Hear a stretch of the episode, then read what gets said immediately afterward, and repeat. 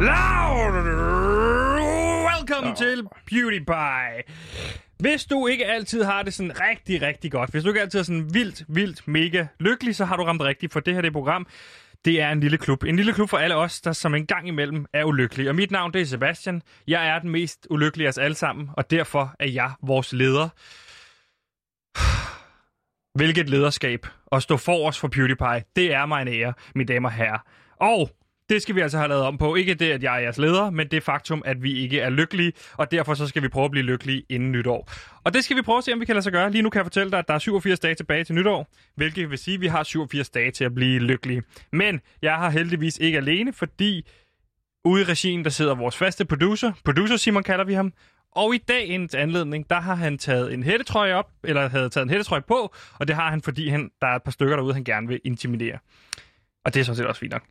Og selvfølgelig så har vi også over for mig min faste researcher, en mand, der skal gøre os klogere på diverse fænomener ude i verden.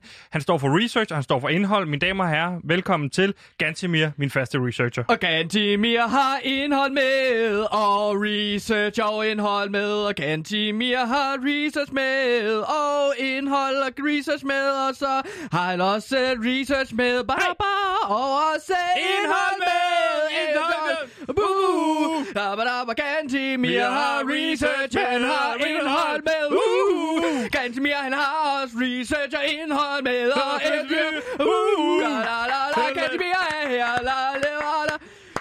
Hallo, Gantimir her. Jeg har taget research, og jeg har også indhold med øh, som en fræk lille gavtyv. Ja, og i dag skal vi igennem lidt forskelligt, fordi du har været i Sure og set den nye elefantunge. ja, og vi dykker endnu en gang ned i døgnrapporten med tidligere bandeleder Gantemir. Og så har vi premiere på et nyt true crime element, så jeg kan faktisk ikke vente med at komme i gang med programmet, på trods af, at jeg er ulykkelig. Mine damer og herrer, velkommen til PewDiePie. Vi vil være lykkelige.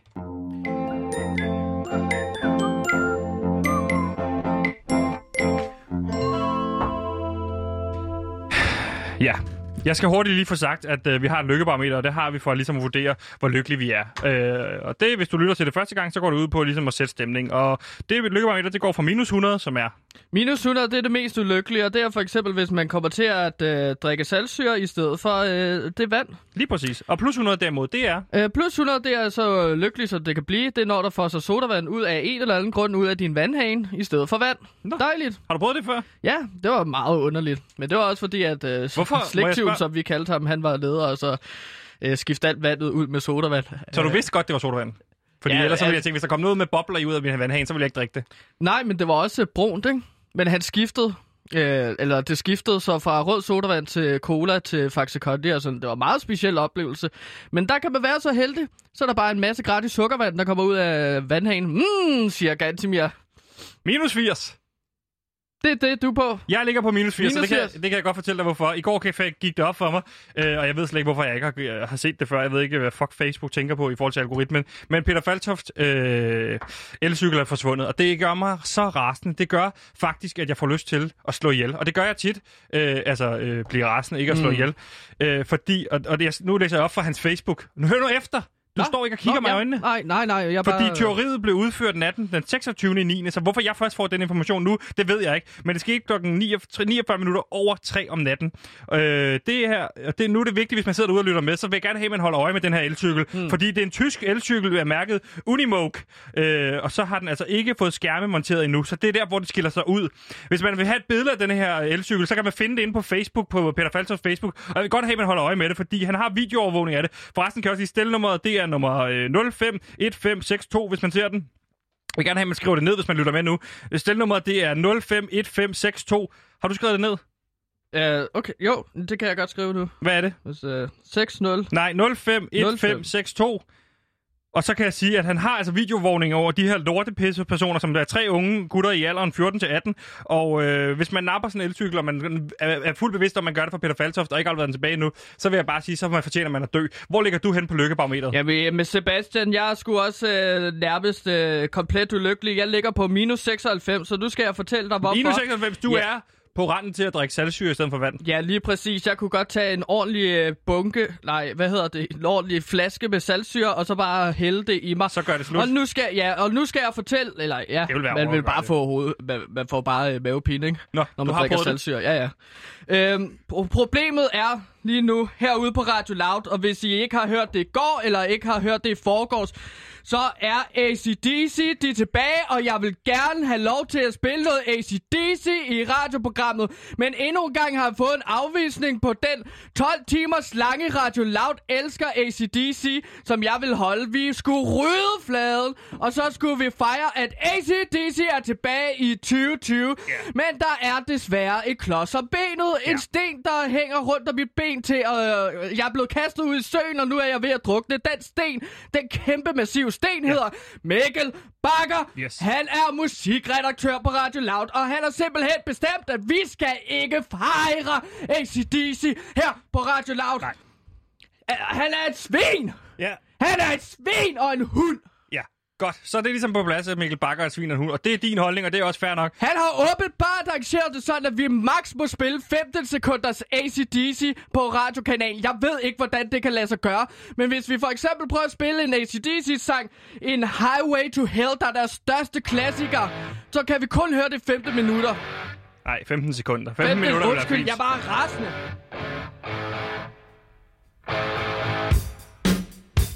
Det er god musik, jeg giver det ret. Fantastisk musik. Det er jo et af de største rockbands. Ja, så stopper Se, den og der så efter 15 stopper det sekunder. bare. Og det er fordi, at Mikkel Bakker, musikredaktøren herude på Radio Loud, han er en hund. Han Ja, er ja. en hund, Ja. som holder mig og min research nede. Han, han lader mig ikke leve her på Radio Loud. Han er i vejen for min komplette lykke, og derfor sidder jeg på minus 96. Mikkel Bakker, jeg kommer efter dig. Jeg kommer efter dig, Mikkel Bakker. Ja, så hvis vi lige kort skal opsummere, så er det altså øh, Gantemir resten over, at han ikke kan få lov til at rydde fladen i 12 timer til at snakke om ACDC, fordi de skal tilbage på turné. Og jeg forstår dig, altså jeg ser dig, min ven. Øh, det er, er roligt. Det er frustrerende. Jeg Øh, ventilerer nu. ja, og nu står du og stiger ud på Mikkel Bakker. Du skal ikke pege på ham. Tag hånden ned. Godt. Lad os bare hoppe videre. Brrr, mit navn er Farfar, men folk kender mig som Lille Hans. Jeg har ondt i min kindtand, men jeg elsker PewDiePie.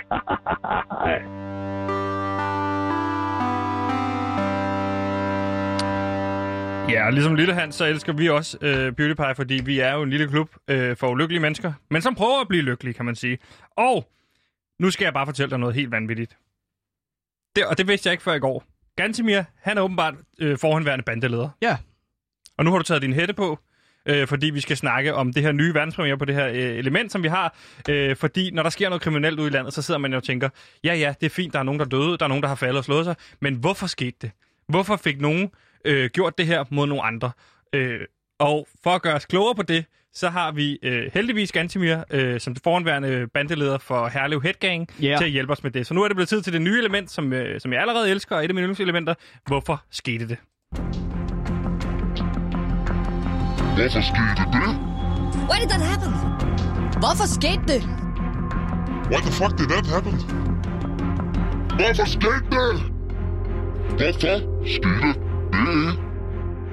Ja, hvorfor skete det? det? Det går ud på, at jeg dykket ned i døgnrapporten, politiets døgnrapport, og fundet øh, tre historier frem for det sidste døgn, øh, som du så kan hjælpe med at gøre os en lille smule klogere på, ganske mere. Ja. Ja. Og kan du ikke lige kort fortælle øh, i forhold til, hvad er dit tilhørsforhold til bandemiljøet? Jamen, mit tilhørsforhold, det er jo, at øh, det er der jo så ikke så mange, der har vidst, men jeg var med i en bande, der hedder Herlev Headgang. Og det var jeg fra, jeg var 8 til jeg var cirka 22 år. Øh, Nu siger du jeg altid cirka. Ja, men det er fordi, at er man med, eller er man ikke med i en bande der i sit sidste, sidste steder? Jeg ved faktisk ikke helt, om jeg er ude af den bande endnu. Nej. Øhm, det er jo sådan meget, øh, det skal siges, at jeg er 27 år, men det var omkring for fem år siden, at jeg ligesom ikke svarede på sms'erne, jeg fik af Lukas, Ja. øh, der er bandeleder i dag. ja. Og du var foranværende hvad? Bandeleder? Jeg var bandeleder fra, jeg var 11 til jeg var omkring 17, indtil Lukas, han ligesom, øh, han var 57 år, så han var meget mere erfaren i bandemiljøet. Han ligesom fik startet et kup, simpelthen et øh, bandekup, som øh, fik var fjernet mig fra posten og toppen. Øh, Og kan du fortælle noget om, hvad for nogle kriminelle handlinger I, øh, I arbejdede med i Herlev ja, Headgang? vi slog for eksempel mennesker ihjel, og så stjal vi også Okay. øh, penge fra forskellige øh, altså butikker, ikke? Vi stjal øh, varer, som for eksempel øh, porcelænfigurer. Det gjorde vi meget. Det er jo mange ældre mennesker, der elsker porcelænsfigurer, så hvis du kan stjæle sådan noget 600 porcelænsfigurer, så har du altså en indtægt på øh, 1 milliard kroner. Det var alligevel en chat. Skal vi hoppe ned i politiets døgnrapport? Ja, det synes jeg. Nå, Fordi vi starter hos øh, Fyns politi i Grenå, hvor at øh, der er sket noget 23.29 om, øh, om aftenen, og der står her sigtet, øh, altså i døgnrapporten her, sigtet var i besiddelse af en flad skruetrækker uden et anerkendelsesværdigt formål. Og der er han jo altså anholdt for overtrædelse af våbenloven. Hvad er det, hvad, hvad, hvad får folk til, kan man sige, at, øh, at gå rundt med sådan en våben, hvis det ikke er et anka- anerkendelsesværdigt formål? Jamen altså, nu, nu tænker jeg jo, at øh, politiet, det, kan jo, det er jo latterlig lov først og fremmest, fordi at man kan jo have hvilket som helst. Man kan have en kuglepind i lommen, og så kan politiet gå hen til dig og så sige, hov, hov, det er et våben. Så på den måde Jeg ved, holder det tror- politiet jo øh, Okay. folk nede. Men øh, derudover, så vil Jeg jeg, tror, også ikke, de, må jeg, sige noget? jeg tror ikke, de kan bruge, altså jeg tror ikke, de kan sige, at kuglepind er, en- er et våben. Altså, jeg er blevet stoppet flere gange, men det er også fordi, at politiet ude i Herlev var virkelig meget efter mig. Politiet i Herlev var altid efter mig. En ting er, hvis de stoppede mig, mens jeg havde min springkniv, dolk og min, øh, min øh, ja, ligesom øh, lille sabel, som man kan gemme inde i øh, benet ved låret. Der kan man lige tape det fast. En ting vil, svæ- vil være, hvis de Er det ikke stoppede svært mig at med bøje det. benet, hvis man har sabel? Jo, jo, fast? men det er derfor, du lader som om, at du ikke har noget ben på højre ben. Så du går rundt øh, med sådan en stiv ben, ikke? En ting vil være, hvis politiet i Herlev havde stoppet mig der, men, det, men når de stoppede mig, så tog de altid en kuglepind eller, en, øh, eller plastikbestik fra mig, når jeg bare ville ud og spise nogle frikadunser fra Superbest, ikke? Så på den måde, så er her, så Herlevs politi var meget efter mig. Øhm, jeg havde så stjålet øh, frikadunserne og både kni- plastikkniv og gaffel, ikke? Men, altså, men, det var, men der havde Må- jeg jo ikke brudt øh, overtrådt øh, Lige våbenloven. præcis. Skal vi prøve at blive på sagen, hvor jeg spørger dig ind til, Åh, hvad ja, er det? undskyld. Hvad tror, jeg, hvad tror du, han skulle bruge det her øh, skruetrækker til, siden at det blev taget fra ham? Øhm, altså, det er, jo, det er jo i hvert fald, øh, band, altså der er jo for eksempel bandemiljøet i Kambodja, nu ved jeg ikke, hvor han er fra, men de foretrækker jo at bruge øh, skruetrækker til at slå deres øh, ofre ihjel. I Kambodja? Ja, det, er, det ved jeg præcis. Hvor Fordi, ved du fra, i forhold til, nu har du opereret i Herlev? Jamen, nu snakkede vi lidt om det i går, men sådan at, at bander, de har, de vil gerne skaffe, eller de vil gerne ordne en organisation, så der er mange bander fra forskellige områder, der ligesom snakker med hinanden. Så altså, Herlev Headgang, vi er jo vennebande med øh, banden, øh, øh, de, de, skør, de, de, skøre, øh, de skøre skurke, tror jeg, den hed. Ja, de skøre skurke hedder det jo bare på spansk, ikke? Hvis det er det, de taler. De, skø, de skøre skurke hed banden i Kambodja. Det var ligesom vores venskabsbande, så Jeg vi, tror ikke, øh, man- udveks, vi, vi udvekslede bandemedlemmer frem og tilbage jo. Må jeg Så- sige noget i forhold til Kambodja? Der var Evan fra Kambodja. Han var fandme en skør skurk. Ja. Hold kæft, han bød Ja. ja. en gang ansigtet af en øh, 12-årig. Det er fandme skørt. Hold og der kæft. var han 33 år. Ja, men må jeg sige, jeg tror ikke, man taler spansk i Kambodja. Det ved du, du ved godt, det ligger i Sydøstasien, ikke? Du har du haft en venskabsbande. Jo, okay. Nå. Jamen, jeg ved det det, ikke. Jeg, jeg, forstod jo, jeg forstod jo aldrig, hvad Evan han sagde. Det var altid sådan... Og så gik han hen, og så bød han hovedet af en ikke- det- 12-årig ja. dreng. Wow. Men det er jo heller ikke et sprog, det er jo bare lyde. Okay. Ja. Jeg troede, det var spansk. Er det en, er det en bande, som du, altså de her skøre, hvad sagde du, skøre skurke? Skøre skurke fra Kambodja. Yes. Var det fra Kambodja, eller var det fra Colombia? Kambodja. Kambodja, Ja. godt. Lad os hoppe videre. Jeg tror ikke, vi kommer videre her. Han kan jo være fra Kambodja selvfølgelig, så det vil være derfor, han vil have strotryk. Godt, så hopper vi videre til Fyn. I, øh, vi bliver i, i, på Fyn, hvor vi skal til Kataminde, hvor at, øh, i går 15.40 var der en overtrædelse af brandloven, hvor der står sigtet fjernet ukrudt med en ukrudt, ukrudtsbrænder og satte derved ild til et træ, der delvist udbrændte. Mm. Og for mig at se, når jeg ser det udefra, uden at have været foranværende bandeleder, så, så, så ser det jo, lyder det meget uskyldigt. Er det uskyldigt, det her, tror du? Nej. Nej. Fordi at altså, ukrudtsbrænderen er et af de mest foretrukne, altså hvis jeg ligesom skal tage lytteren og dig, Sebastian, behind the scenes hos uh, bandekriminalitet, så er ukrudtsbrænderen ligesom uh, den foretrukne våben, hvis man ligesom skal slå nogen ihjel. Det Fordi er, at er man det kan... over kniv? Fordi når jeg læser om det i medierne, så er det jo tit kniv, folk Ja, bruger. fordi at man kan altid få det til at se ud, som om man bare er ude og brænde ukrudt. Så for eksempel, hvis du slår nogen ihjel Og så ude i, du hvis du slår nogen ihjel ude i havn, så tager du bare en ukrudtsbrænder, og så går du hen til dit, dit, dit offer, og så, så går du bare hen, og så bruger ukrudtsbrænderen. Som en flammekaster. Ja, præcis. Og Okay. så brænder du bare stille og roligt benet. Du står lige ved siden af ham, eller hende, og så, og så starter du med benet, og så først opdager de, at deres ben er ved at brænde, øh, når det er for sent. Og så går der simpelthen ild i dem. Så Det lyder som om, du synes, det er meget sjovt, Ja, at det her med at have været at det- bandemedlem og slå Ja. folk ihjel. Ja, det er det, jeg savner. Det, det er det, jeg savner allermest. Det er bare at gå rundt og være kreativ på, med måder, man kan slå folk ihjel på. Blandt andet med ukrudtsbrænder. Okay, Det, altså, altså, jeg kaldte det jo lomme flammekaster. Ja. Ja. Fordi at den er meget lettere at tage på ryggen, ikke? jo. Lad os øh, hoppe videre øh, til en anden del i Danmark. For hvis man dykker ned i Midt- og Vestjyllands øh, politiets øh, døgnrapport, så skal vi til det, der hedder Mullerup. Er det noget, du kender? Mullerup. Øh, jeg har været der før. Jeg har sgu... Øh, det er på Vestjylland, ikke? Jo, som jeg der- lige sagde, det er Vestjyllands politi. Ja, der kan man se. Men der har jeg været hen og afleveret porcelænsfigurer. Okay. Mange, mange porcelænskatte, faktisk. Det er Ja. jo meget populært i Skal Mullerup. vi, ja, skal vi prøve at blive nede i døgnrapporten? Ja, det var bare lige for at pointere, at det var sådan noget, vi be- et lille behind the scenes øh, øh, kig på, hvad der sker i Mullerup. At aflevere Mange- en porcelænsfigur. Ma- øh, især katte, som jeg sagde. Ja, må jeg læse op? Klart. Eksplosioner ved privatadresse, våbenlovgivningen. Det er øh, overskriften her. Ikke? Klokken 5.56 blev politiet alarmeret om, at der ved en privatadresse var sket et par eksplosioner. Da politiet kommer frem, finder de en lettere såret 46-årig mand fra Slagelse, som køres på hospitalet til et gennemtjek. På stedet var der også en 33-årig kvinde mm. fra Kalundborg Kommune, men hun var uskat. Der var omfattende mm. ødelæggelser efter de to eksplosioner, som politiets efterforsker fik hjælp til at undersøge nærmere fra både kriminalteknikere, forsvarets sprængstofseksperter og sprængstofshundepatruljer. Okay. Politiet fandt derudover to ulovlige skydevåben med dertil hørende ammunition på de forurettede bopæl. Derfor blev både den til skadekommende mand og kvinden anholdt og sigtet for ulovlig våbenbesiddelse. To maskerede mænd efterlyses som mistænkt. Så for mig at se, at det her er den klart mest alvorlige, vi har med at gøre i dag. Ser du den lige så alvorlig, som jeg gør det? Nej, den er meget øh, afslappet. Stille og rolig. Men prøv at høre, det er også fordi, at øh, altså, der, der er nogle ting her, som jeg stiller spørgsmålstegn. Ja. Det er for eksempel, at politiet øh, efterlyser to maskerede mænd. Det er jo, øh, hvordan efterlyser man det? Hvis man tænker sig om, så er det jo svært at sige sådan, øh, okay, vi, vi efterlyser to maskerede mænd, men man kan jo ikke se, hvem det er, hvis de er maskeret. Så det er jo bare sådan et lille trick, politiet har for at dække på noget. Okay, så Det her, du det er et inside politiet, job. Det er et inside job. Ja, det er, det er en eller anden politimand, jeg vil gå ud fra, fordi at det er Mullerup, det er en, der hedder Christian. Og Christian, Ja. han, han, kan, han kan fandme godt lide uh, Die Hard, så han har lidt et problem med, at han springer ting i luften. Så jeg forestiller mig jo, at det, øh, og det måtte jeg ikke sige selvfølgelig, at uh, det er Christian, men Christian kan rende mig noget så grusomt i røven. Øhm, ja. At han har nok, øh, han har nok øh, startet de her eksplosioner. Øhm, og så skylder han mig også to Marsbar. Den Er eksplosioner så noget, du har erfaring med som tidligere bandeleder? Jamen, det var jo ikke så meget mig, der gjorde det, men det var, øh, det var øh, Mariette. Hun var vores brændstofekspert ude i Herlev. Hun var ikke sådan med i banden, men hun kunne godt hyres til et job. Hun var øh, 72 år, da jeg sidst snakker med hende for Ja. fem år siden. Og der var hun jo hun på, der var, der var hun gået på pension, men det var meget vigtigt for hende ligesom at få noget energi ind i sig.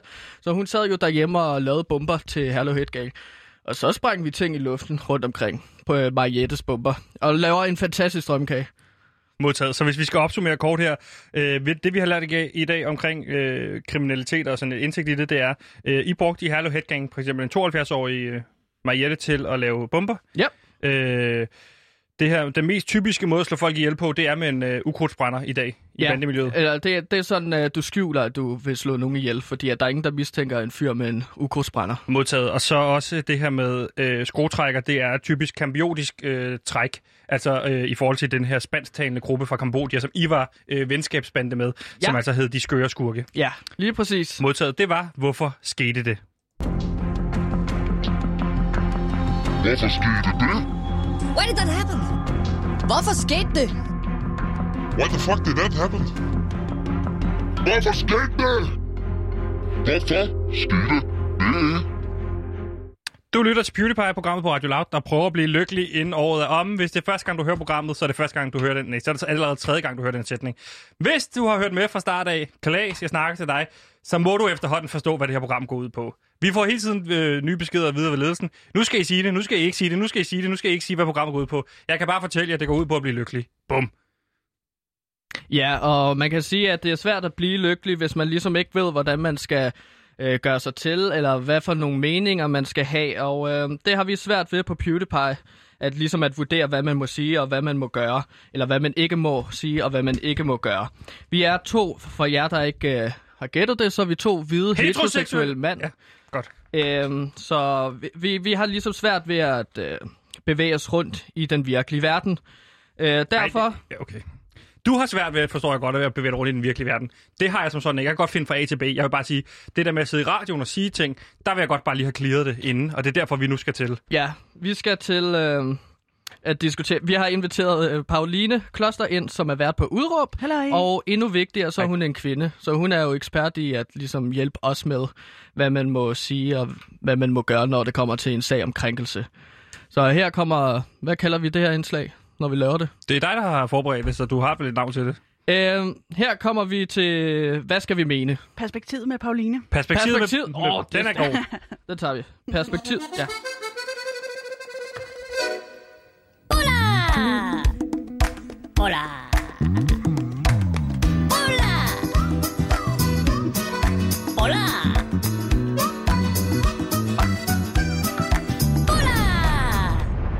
Ja, normalt har vi jo perspektivet sammen med Polar.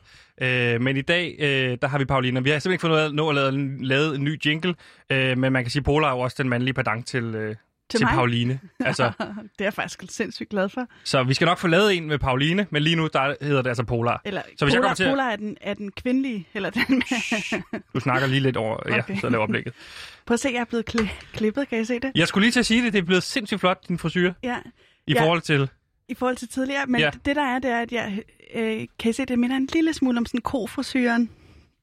Kofrisyren. Ja, Den- vi, vi, er det det vi, ko- vi har ko- aldrig kaldt dig ko. med kuls pandehår, som er lidt for kort, som buler lige i starten der ved hornene. Jeg er lidt ked af det, den måde, jeg kom til at se ud på, men det, men det kan noget. Jeg så jo kan Jojo noget. Rabbit i går, og der øh, taler man jo om det her med horn, øh, at det har jøderne. Men øh, det var jeg lige at google bagefter, det passer ikke. Du er simpelthen så primitiv. Har du ikke set Jojo Rabbit? No. Fantastisk film, den skulle du tage at se. Den øh, afkræfter mange af de fordomme, folk har derude omkring øh, jøder og sådan noget. Okay, men på perspektivet skal vi ligesom... Øh, I dag, så skal vi snakke om Morten Østergaard-sagen. Så det skete i går. En person, der må siges ikke at være særlig lykkelig, det er jo nu den uh, tidligere formand for det radikale venstre, Ved Morten du hvad? De, der, der sidder et menneske derude på Færøerne, som er kæmpe stor Morten Østergaard-fan. Eller i hvert fald stemmer radikalt, som har en lortedag i dag. Ja, Den ja. vil jeg gerne sende min skarpeste, der nej, hvad er- hedder det, varmeste medfølelse med. Ikke med Morten Østergaard, men med dem, der troede, han var en god mand. Ikke med Morten. Og- Men der refererer du ligesom til, at Færøerne tabte en fodboldkamp i går. Ja, det går ud fra, at folk, der hører det program, godt ved, at landsholdet. Okay, fint. Men efter lang tid sumler hvem der havde krænket den radikale politiker Lotte Rod, så stillede Morten Østergaard sig frem og indrømmede, at det var ham, der var krænkeren Ja. i en pressemøde i går. Han, meldte, selv- han meddelte samtidig, at han trækker sig tilbage fra formandsposten. Og hvad skal vi så på PewDiePie mene øh, om den sag? Ja, inden vi kommer til at træde forbi, kan man sige, så har vi inviteret dig inden for Pauline. Mm. Fordi hvad er det for en sag for os? Øh, altså, hvad mener du med det? det, det, det også, hvad er det for Det en... er et meget simpelt spørgsmål. Hvad er det for en sag for os? Hvor, står, hvor skal jeg stå henne? hvad synes du selv? Det ved jeg ikke. Det er jo derfor, vi har inviteret dig indenfor, Pauline. Jeg spørger jeg, dig meget jeg vil simpelt. overhovedet ikke definere, hvordan du skal... St- Nej, stå. men jeg stiller mig ligesom der, hvor du står. Så er jeg Okay. ligesom safe. øh, Så kan jeg pege den over på dig. altså, der og gør du spørger direkte, er det en god eller en dårlig ting? Nej, Eller? jeg spørger bare, det her Morten Østergaard, ja eller nej? Eller ikke? Altså, Måske. måske. Hvad, hvad, hvad, hvad synes vi om det? Er vi glade for, at han er blevet stoppet, eller synes vi, det er en overreaktion? Øhm, altså, hverken eller, vil jeg faktisk sige. Altså, fordi det er jo Og- en sindssygt nuanceret sag, det her. Ja. Øh, og Ja, Men vi det- havde Polar ind i ikke. går, og hold kæft, Ja. der var så mange nuancer. Jeg kan nærmest ikke huske, hvad efterhånden skal synes. Hvad sagde Polar? Polar, han sagde, at man ikke må sige en bolle. En bolle. Aha. ordet Men bolle. det tog os kraftet med kvarter hivet ud af ham. Så Pauline, hvis du kan gøre det lidt kortere. Vi har brug for et ja eller nej her på PewDiePie. Alright. Er det godt, han blev stoppet, eller er det ikke godt, han blev stoppet? Mm, øh, altså, jeg, jeg vil sige, nu har jo lige været, Morten har jo øh, trukket en ret øh, klar linje over for regeringen og sagt, at deres klimapolitik er ikke godt Nu nok. var det ikke klimapolitik, vi skulle snakke om. Morten Østergaard har Men- sat hånden på låret på Men- Lotte Rød. Men, Morten Lille Pillefinger der, han kunne ikke øh, holde på hænderne for sig selv for 10 år siden. ja, au, Nu har han så trukket sig som politisk øh, leder. Er det det rigtige? Er det godt? Altså, jeg synes jo sådan set... Ja eller nej, Pauline? Jeg, sy- jamen, jeg synes jo sådan set, at det er, det er en fin ting at statuere et eksempel og sige, Ja. ja. ved du hvad, vi trækker os for den her sag. Jeg synes bare, det er rigtig ærgerligt, at uh, Sofie Carsten Nielsen, som har overtaget formandsposten, Ja. ja. hun er jo også involveret i sagen. Så derfor er det, gør det det også sindssygt komplekst, ikke? Jo. Og så plus den her klima, Ja. ja. klimadagsorden, ved, som ved de hvad ved jeg at kom til at tænke på? Godt Det er, at jeg synes, at det er virkelig sjovt, øh, at øh, Morten Østergaard, ligesom inden at han ligesom tilstod, at han var krænker, at han ligesom har omtalt sig selv i tredje person, faktisk. Ja, Når han er blevet, når han er blevet, øh, når Ja. han er blevet spurgt om, øh, om øh, krænkeren kan blive til minister, så siger Morten Østergaard til en ekstrabladsjournalist, øh, ja, det kan, det kan han godt. Han, som om, at det er tredje person. Jeg har faktisk taget et klip med. det Jeg vil ikke høre det. Det her. Bare lige hurtigt, øh, kan personen øh, med, med øh, Lotte Rods sag blive minister? Det her har, øh, Uh, den er god. Den altså, er den sag håndterer vi, som øh, vi øh, øh, har haft praksis for, og øh, der er ikke øh, nogen basis for øh, konsekvenser af den øh, karakter, øh, som du sagde om der. Det var nej. Det kan, det kan personen godt. Og der skal, øh, det er jo så ekstrabladsjournalist. ikke, og Det, det sætter jeg virkelig pris på. Altså, det er jo så ekstrabladsjournalist, der ligesom øh, spørger Morten Østergaard om den her krænker, som jo var Morten Østergaard i sidste ende. Han kan Ja. blive minister, og der siger Morten Østergaard så, hmm, Det kan han sagtens. ja, det kan han jo godt. Så jeg tænker bare, at Morten Østergaard er en af de der typer, der omtaler sig selv som tredje person. Det synes jeg er virkelig sjovt. Så han sidder jo bare øh, foran et spejl, og så har han ligesom givet ham selv en påtale. Det er morsomt. Ja, men nu, Jeg synes, det er så nu sjovt. synes I begge to, det er meget sjovt, men nu synes jeg lige, vi skal komme ned til sagens alvor, her, fordi han har rørt ved øh, Lotte Rods lov. Og det, Af min arm. nu skal jeg bare øh, spørge dig helt kort, øh, Pauline. Hvis jeg nu har rørt et lov for 10 år siden, skal jeg være bange? Ikke, jeg har ikke. Har du ikke? Nej, Er det et mandlov? Har du aldrig rørt det? stop. Har du rørt noget lov overhovedet? Jeg er ikke homoseksuel. Det, vil, og det, hel- det her skal slet ikke handle om seksualitet. Nej. Eller jo, det må lidt måske. Jeg spørger bare helt simpelt. Hvis nu nogen øh, er radiovært i dag og har for 10 år siden rørt ved et lov til en fest, skal de så stoppe med at være radioværter, for eksempel? Det kommer an på, om det er et mandelov, vil jeg sige, fordi Det er det ikke, tror jeg. Det vil jeg gerne sige. Hvis det var mig, var det ikke et... Øh, det, det er ikke en... Du, hvorfor griner du? fordi jeg synes, Det er ikke du, sjovt. Du er så pinlig. Du er så pinlig. Åh, Du har, Det er dig, der har inviteret det hende ind, så stop, få hende ud på en eller anden måde. Vi skal have et ja eller nej. Er det godt, at han har trukket sig? øh, jamen, det vil jeg ikke svare ja eller nej til. Det, det må jeg Pauline, tak fordi du kom. Det længere kan det ikke blive. godt den skal, skal jeg ud igen. Ud! Tak fordi du kom, Pauline. Fy! Hoa! Godt.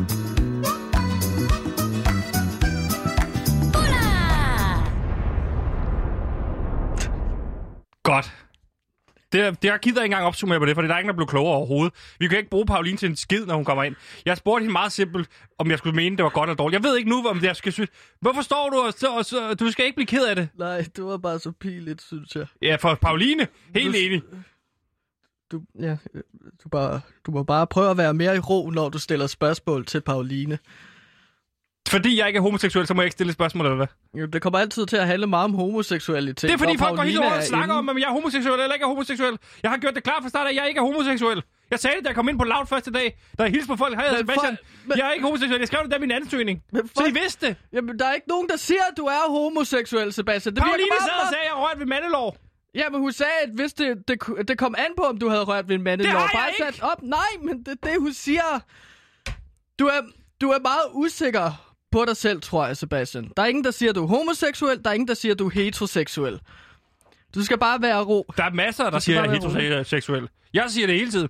Klaas har sagt det. Og min mor ved det også godt. Godt. Nu gider jeg ikke snakke om det her. Gansmir, jeg ved, du har arbejdet videre på noget, jeg rent faktisk synes er spændende, så lad os tale om det i stedet. Ja, lige præcis. Jeg er Hvis du lige har tunet ind, så lytter du til Beauty Pie på Radio Loud, et program, der prøver at gøre det helt klart for alle, at jeg ikke er homoseksuel. Godt. Hvad siger du så? Jeg, vil- altså, vi, jeg har jo arbejdet lidt videre på den her Lars Lilleholdt-sag, som Ja, vi har snakket om. Øhm, Jeg var jo lunken i går, men så har jeg jo lige fundet ud af nu, Ja. at... Øh, jeg, jeg, ja, jeg, jeg foreslog jo til dig, at vi laver det her om til en true crime saga. En podcast, om, altså, hvor vi ligesom skal ja, opklare må det her sige, mysterie. det er en fremragende idé, det her true crime. Altså, øh, ja, det, jeg, jeg synes, det er så... Jeg synes bare, vi skal hoppe ned i, øh, i det her true crime-univers. Ja. Skal vi ikke gøre det? Jo, min ven.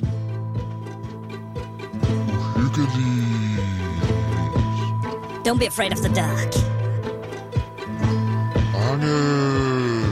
True crime. True crime.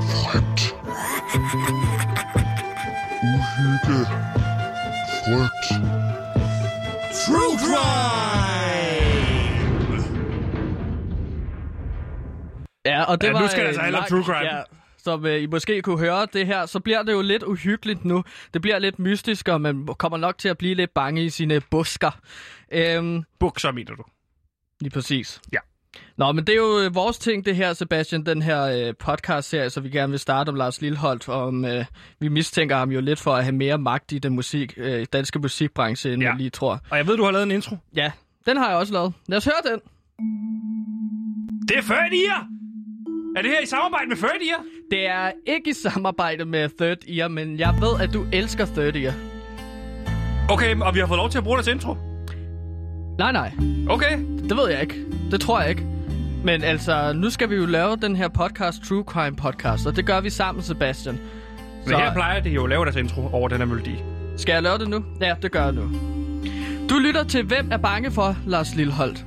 En podcast produceret af PewDiePie. Hvorfor taler du sådan der? Mit navn er Gantemir Ertogard Skov. Det er Hvor- fordi, at de gør det på 30 og Tim Henneman. Han snakker sådan lidt voice, ikke?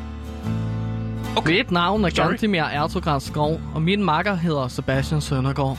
Det, du skal høre nu, er en vaskeægte true crime. En sand historie fra den virkelige verden. Vi er på sporet af en ukendt hemmelighed. En hemmelighed, som vil folde sig ud og ændre dit verdenssyn i denne True Crime podcast. Hvem er bange for Lars Lilleholdt? Det må jeg bare sige, det er fremragende. Vi har vores egen jingle, Sebastian. Vi har vores egen intro. Det, altså, det må jeg bare sige, Gatsby, det er fuldstændig fantastisk, det der. Mm. Det, nu, som du siger, vi har jo en genial titel. Hvem er bange for Lars Lillehold? Vi har en, øh, en genial intro. Vi skal også have noget... Øh, vi skal også have... Det går fedt med noget underlæg. Altså sådan noget, hvis vi har et eller andet uhyggeligt underlæg. Ja. Det har vi. Der også. Ja, Har du forberedt det her? jeg har forberedt øh, det hele, Sebastian. Jeg har hørt så meget uh, true crime, jo. Fordi at det er vigtigt som en tidligere bandeleder og bandemedlem, tror jeg, jeg er. Så er det jo vigtigt at forstå, hvordan sådan true crime kriminalitet, det bliver dækket i for eksempel podcast. Ja. Jeg har altså også hørt meget true crime. Okay, Nå. tjek, vent lige, vent lige. Tjek ved, vi har en god titel. Hvem er bange for Lars Lilleholdt? Mm. Vi har en god intro. Tjek, den har du sat af. Vi har fantastisk underlæg lige nu. Øh, okay, så plejer man jo i en True Crime podcast at snakke om, hvad ved vi? Hvad ved vi nu om sagen indtil videre? Jamen så lad mig fortælle dig det. Har du forberedt det? Ja. Kald det chokerende. Kald det sensationelt. Kald det lige, hvad du vil. Men realiteten at, er, at toppen af poppen for en gang skyld ikke skrabede bunden. Sådan lød Thomas Treves ord, da han skulle anmelde den nye sæson af Toppen af Poppen. Et program, som Danmarks suverænt mest hadefulde anmelder sjovt nok hader. Men noget har ændret sig. Noget ved programmet har pludselig gjort, at Thomas Treve ikke er i stand til at have programmet. Og svaret kunne tyde på at være noget så mærkværdigt som Lars Lilholdt. For da jeg opdagede en positiv anmeldelse fra Thomas Treve, stoppede jeg op. Det lignede ham ikke. Dette er manden, som sædvanligt beskriver kvinders ekstremt nedladende. Lana Del Rey er ifølge Thomas Treve en fæl narfisse, syg kælling og mjavne sexkilling. Taylor Swift er umenneskelig og en popbitch. Og Ariana Grande er en kønsløs Lolita-dukke. Så hvorfor anmelder Thomas Treve pludselig toppen af poppen så positivt, bare fordi Lars Lilleholdt det med?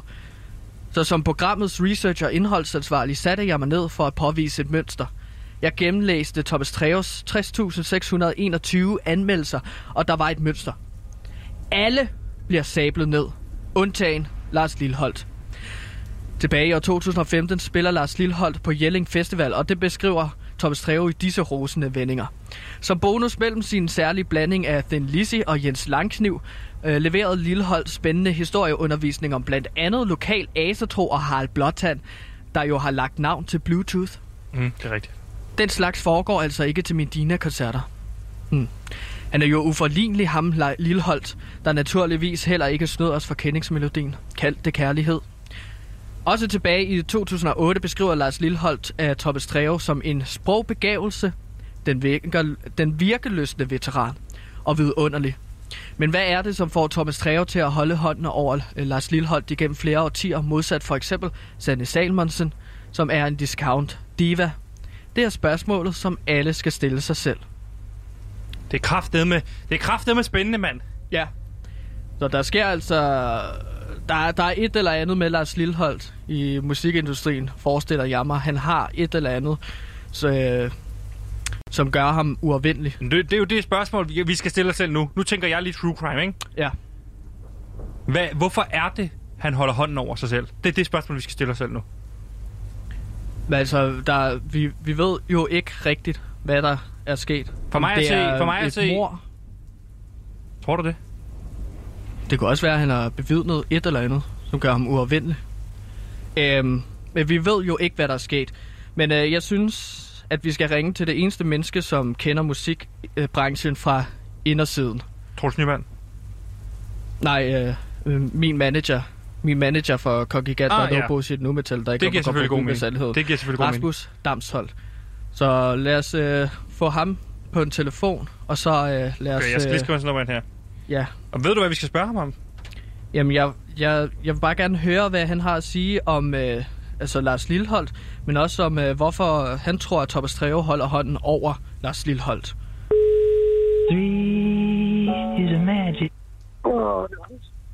Rasmus, Hej, Rasmus. velkommen til Hvem er bange for Lars Lilleholdt?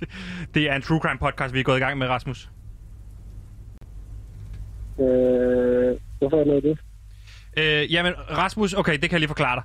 Øh, det er fordi, som vi også snakkede lige kort om i går, vi prøver at finde ud af, hvad, fanden er der op og ned i den her Lars Lilleholdt-sag, fordi vi har fundet ud af, at Thomas Treve, den eneste mand, han holder hånden over, som den eneste, han anmelder positivt, det er åbenbart Lars Lilleholdt. Så vi er ved at finde ud af, hvordan, hvordan hænger det her sammen? Øh, ja, okay. Det har ikke så meget med mig at gøre. Tænker jeg. Jo, men det, det har det jo på sin vis, fordi altså, det kan godt være, at du er i LA lige nu, og vi forstyrrer dig lidt, men altså, vi har det bare sådan, du er den eneste, vi kender, som virkelig ved meget om musikindustrien. Øh, ja, men jeg tror ikke rigtig, det er min interesse på det her tal. Hvad siger du? Du går lidt, øh, du falder lidt ud.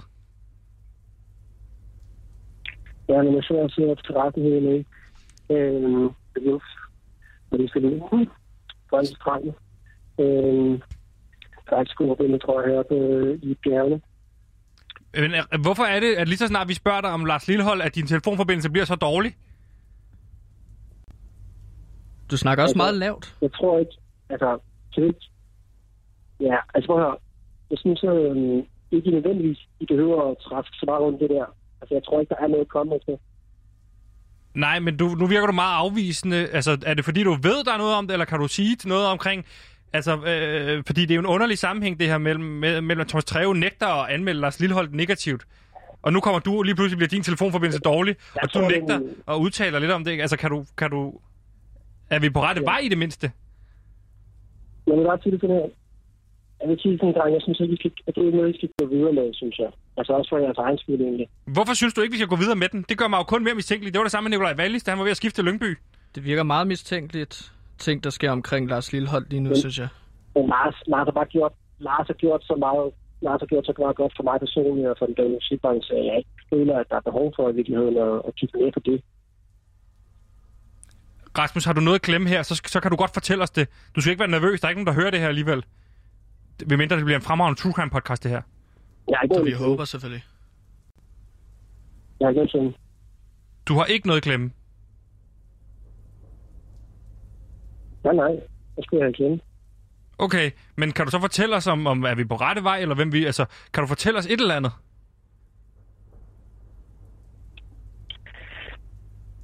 Altså, jeg, jeg tror, vi skal snakke her. Jeg skal op kl. 5 om morgenen, og det har jeg godt gjort alligevel, fordi jeg skal til stranden og sådan for det bedste to dage, så men alligevel øh, tidligere morgen, I ringer til mig, og jeg tror, vi skal snakke om Gantemets mulighed for nogle kommersielle samarbejder, øh, gennem det personlige test, vi har lavet, og så skal vi bare snakke true crime. Ja, nu sparker vi den der skide personlighedsundersøgelse til hjørne, fordi vi laver True Crime nu, så vi skal bare vide... Altså, kan du, gøre, kan, du, kan, du, kan du sætte os i en eller anden retning? Kan du gøre et eller andet her og hjælpe os med at finde ud af, om vi er på rette vej?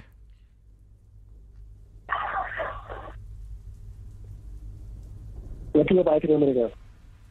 Du vil ikke have noget med det at gøre. Men er der en anden, vi kan snakke med, Rasmus? Et eller andet? Nogen, som ved noget om det her? Rasmus, Jeg der er ikke nogen, der ikke, lytter til det her program, så bare rolig. Altså, hvis, hvis jeg skulle bold videre... Nej, nej, nej. Altså, øhm, hvis jeg skulle tage fat i nogen og det er sgu ikke for mig, det her, Nej. men så vil jeg nok gå med den øh, jyske mafia, øh, den her øh, øh, eventkong, øh, Frank Pandue. Frank Panduro.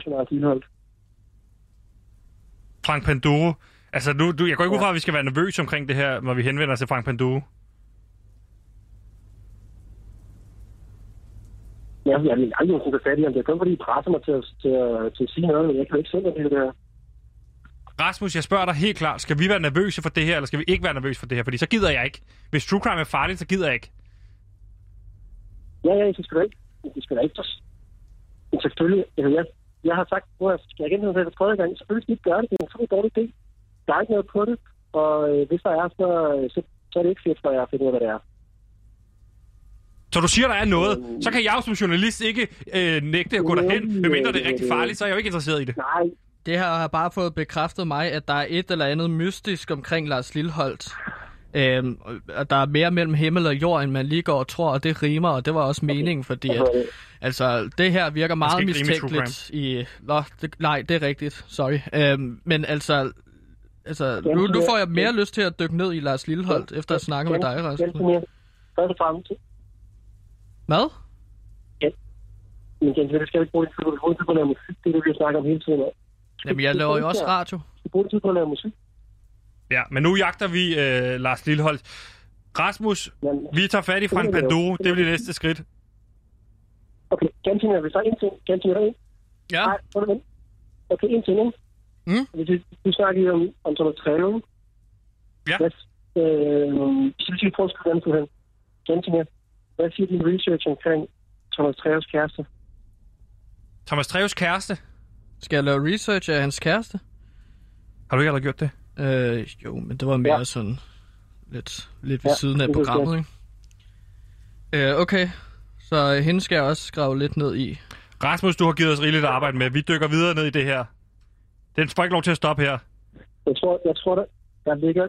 Der, jeg vil bare lige understrege, der er ikke noget arbejde. Der er ikke noget arbejde at arbejde med. Jeg, bare lige, jeg siger bare, gør jeres research ordentligt. Okay, Det gør vi. Det Vi kommer vi ikke til at citere dig for noget, bare roligt, Rasmus. Tusind tak for din tid. okay. Det er sjovt, han falder altid ud, Ja, når vi begynder. Men altså, Rasmus, Hej, hej, Rasmus. stadig øh, en sang omkring en personlighedstest, det er kommission samarbejder.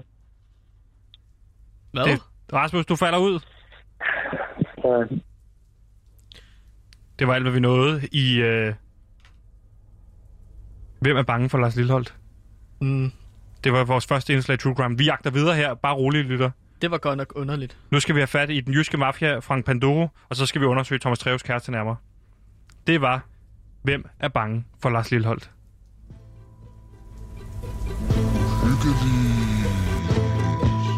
Don't be afraid of the dark.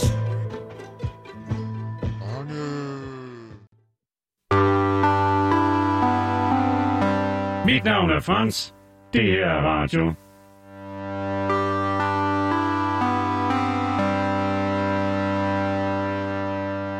Ja, du lytter til PewDiePie øh, i dag, og øh, som jeg har sagt alt for mange gange i dag, så er vi altså programmet, der prøver at blive lykkelige inden 2020. Det er slut. Og i går, mine damer og herrer, der spillede Danmark, det danske landshold i fodbold, mod Færøerne kl. 6 i en venskabskamp. Og det foregik i MCH Arena i Herning. Herning. Øh, ja, og der foreslog jeg jo, at vi skulle lave et recap af den her kamp. Ja. Og der gik jeg ind og så sagde, prøv at høre, jeg vil gerne lave et recap af kampen. Det, insisterede jeg på. Og det vil sige, er fint, så slipper jeg for det. Jeg sad, Ja. jeg sad lige ved så kampen, men hvis jeg ikke behøver recap til den til i dag, dejligt. Jeg skriver så meget indhold i forvejen til det her program. Ja, og det tog jeg på min kappe, men jeg vidste også, at jeg ville få en super travl formiddag i dag. Og øh, derfor øh, skrev jeg den, inden øh, jeg så kampen, den her recap. Fordi jeg ville ikke kunne nå det, efter jeg havde set kampen. Så jeg skrev den... Øh, Du har skrevet recap recapet af- af kampen, inden du har set kampen. ja, lige har du præcis. set kampen bagefter? Øh, nej, det har jeg faktisk ikke.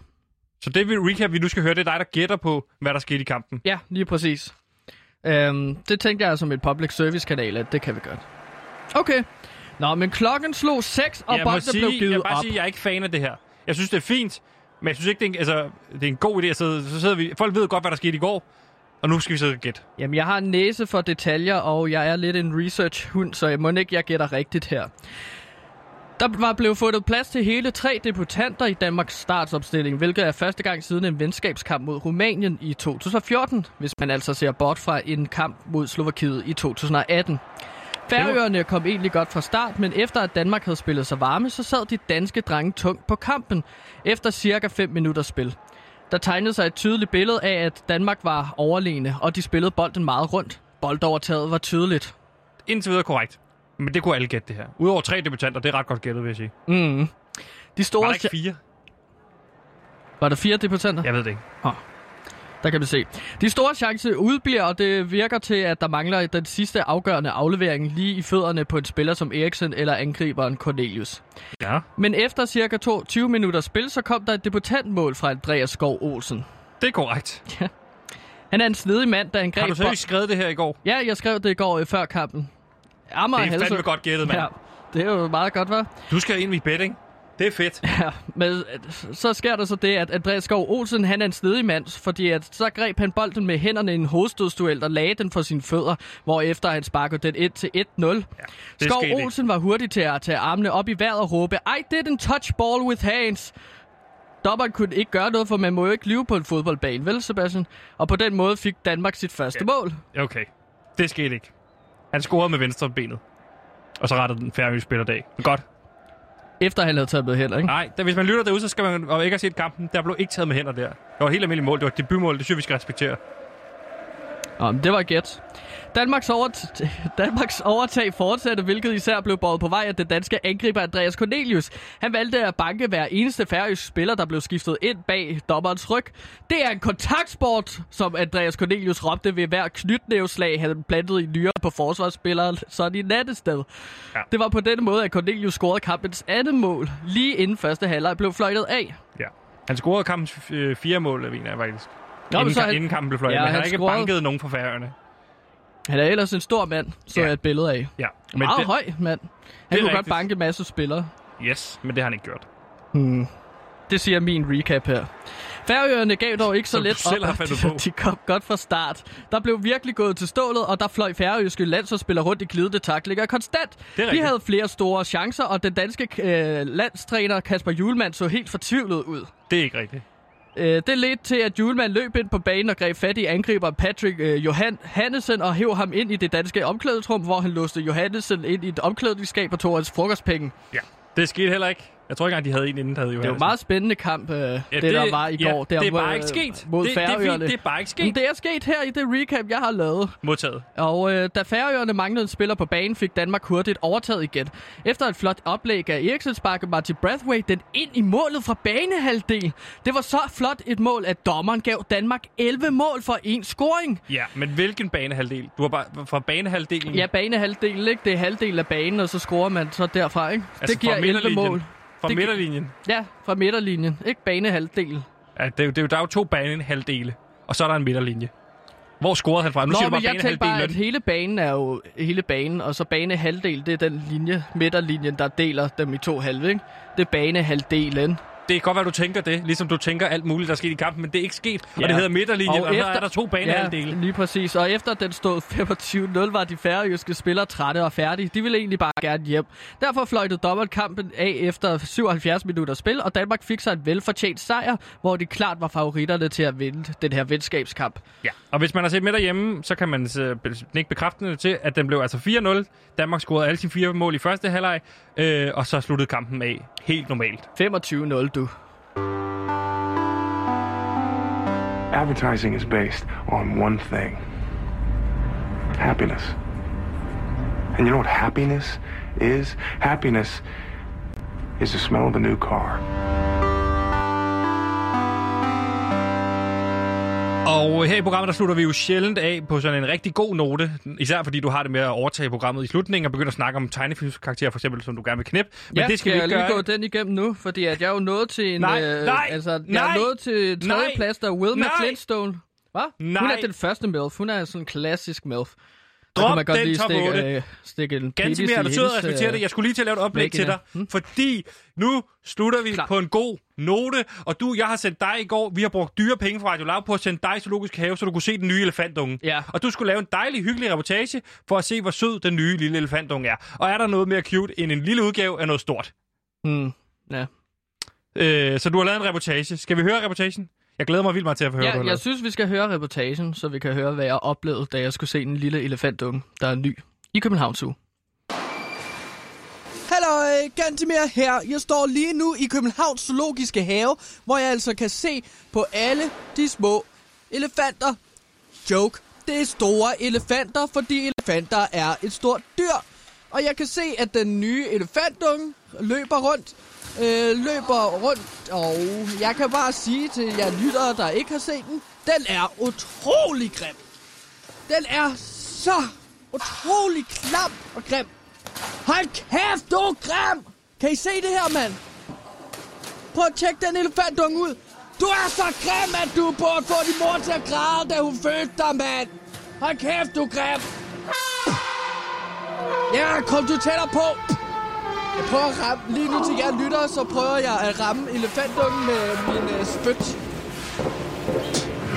Jeg slår ud efter dig, og jeg spytter på dig. Hold kæft, hvor du grim. Jeg, jeg, og nu kommer Karsten, kan jeg se. Og Karsten, han er dyrepasser herude i Zoologisk Have. Det skal jeg ikke have noget af. Karsten, du kan godt gå væk. Du må være enig med mig. Det er en grim elefantunge. Jeg spytter på dig. Jeg spørger på dig. Okay. Det var jo ikke derfor, vi sender dig til Zoologisk Have, så du skal gå ind og spytte på en elefantunge. Vidste du godt, du havde den her attitude, inden du kom ind, fordi så er det fuldstændig, det er fuldstændig unødvendigt, du tager til Zoologisk Have bare for at gå ind og spytte på en elefant, så kan jeg gå ud og lave den reportage.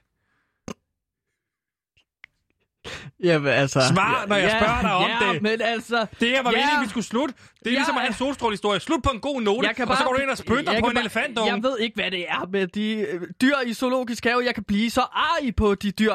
Altså, det, altså nu, nu nævnte jeg også Carsten, fordi at jeg kender Carsten, dyrepasseren Carsten øh, på fornavn. Fordi at jeg har haft flere af de her situationer, hvor jeg bare bliver rasende. Altså, jeg har været i zoologisk have i København fem gange, og jeg har lige så fået frataget mit årskort fra zoologisk have fem gange. Hvorfor siger du det så ikke til os på mødet, når vi skal snakke om, hvad vi skal lave? Fordi jeg altid tror, at jeg kan styre mit raseri, men når jeg ser sådan en grim elefantunge, så får jeg bare lyst til at slå efter den. Hvis det jeg sker- på den. Ja. Den står. Stop med at spille ind i studiet. Der er ikke nogen elefantunge. Jeg His dig ned. slår dig. Stop med hele tiden at sige, hvad du gør. Det er åndssvagt. Du har været i Zoologisk Have fem gange, eller fire gange, hvor det allerede er hisset op. Hvorfor går du så ind der femte gang? Så sig dog, at jeg kan gøre det, eller producer Nej, Simon kan fordi gøre jeg det. vil gerne lave reportager for det her program, og Fint. jeg er researcher og indholdansvarlig. Men når jeg ser sådan en elefantunge, så får jeg bare lyst til at spytte på den. Jeg svæver. Ja, det kan Jeg godt være. slår efter den.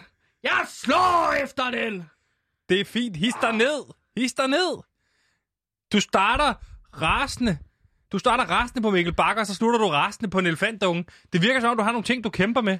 Ja, men altså... Vi slutter Ja, med lykkebarometeret. Op med stemningen. Det er bare svært ikke at spytte efter de dyr, når de er så grimme. Jeg var i gang op og slås med Det- en kænguru, Ja, det er fint. Jeg har været masser af gange i Zoologisk Have, hvor jeg ikke har spyttet på nogle dyr. og så har jeg, Jeg pisset sikker- på et skildpadde Godt. derinde. Nu gider vi ikke snakke mere om Zoologisk Have. Nej, Du, du, du startede på minus 96. Hvor ligger du nu? Jamen lige nu mi- ligger jeg på minus 97. Modtaget. Og det er fordi, at jeg stadig ikke får lov til at spille ACDC. Jeg skal banke Mikkel Bakker i et eller andet, i en duel eller whatever. Øhm, og så kommer jeg lige til at tænke på, hvor grim den elefantunge er. Godt. Roligt. Roligt. Hvor ligger du? Minus, jeg startede på minus 80. Jeg tror, jeg ligger på minus 20. Jeg synes, det var fedt endelig at komme i gang med noget true crime. Jeg synes, det var mistænkeligt, at der var så dårlig uh, telefonforbindelse på, uh, på Rasmus, vores manager. Ja, det var svært. Men det når han, øh, en mand er i LA, så er det lidt svært blandt, når han er i bjergene og sådan noget. Og, Det var alt, Ja. hvad vi nåede uh, i dagens program. Tusind tak, fordi du var med. Tusind tak, fordi du gad ganske med at komme ind, og så hister lidt ned til i morgen. Tak til uh, producer Simon.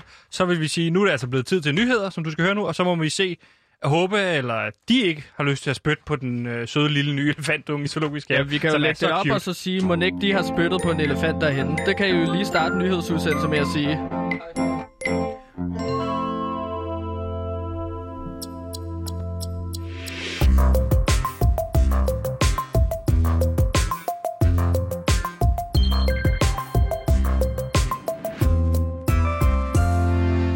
Har aldrig spyttet på elefantunger eller andre dyr. Jeg kan faktisk virkelig godt lide dyr. Nå, men til nyhederne.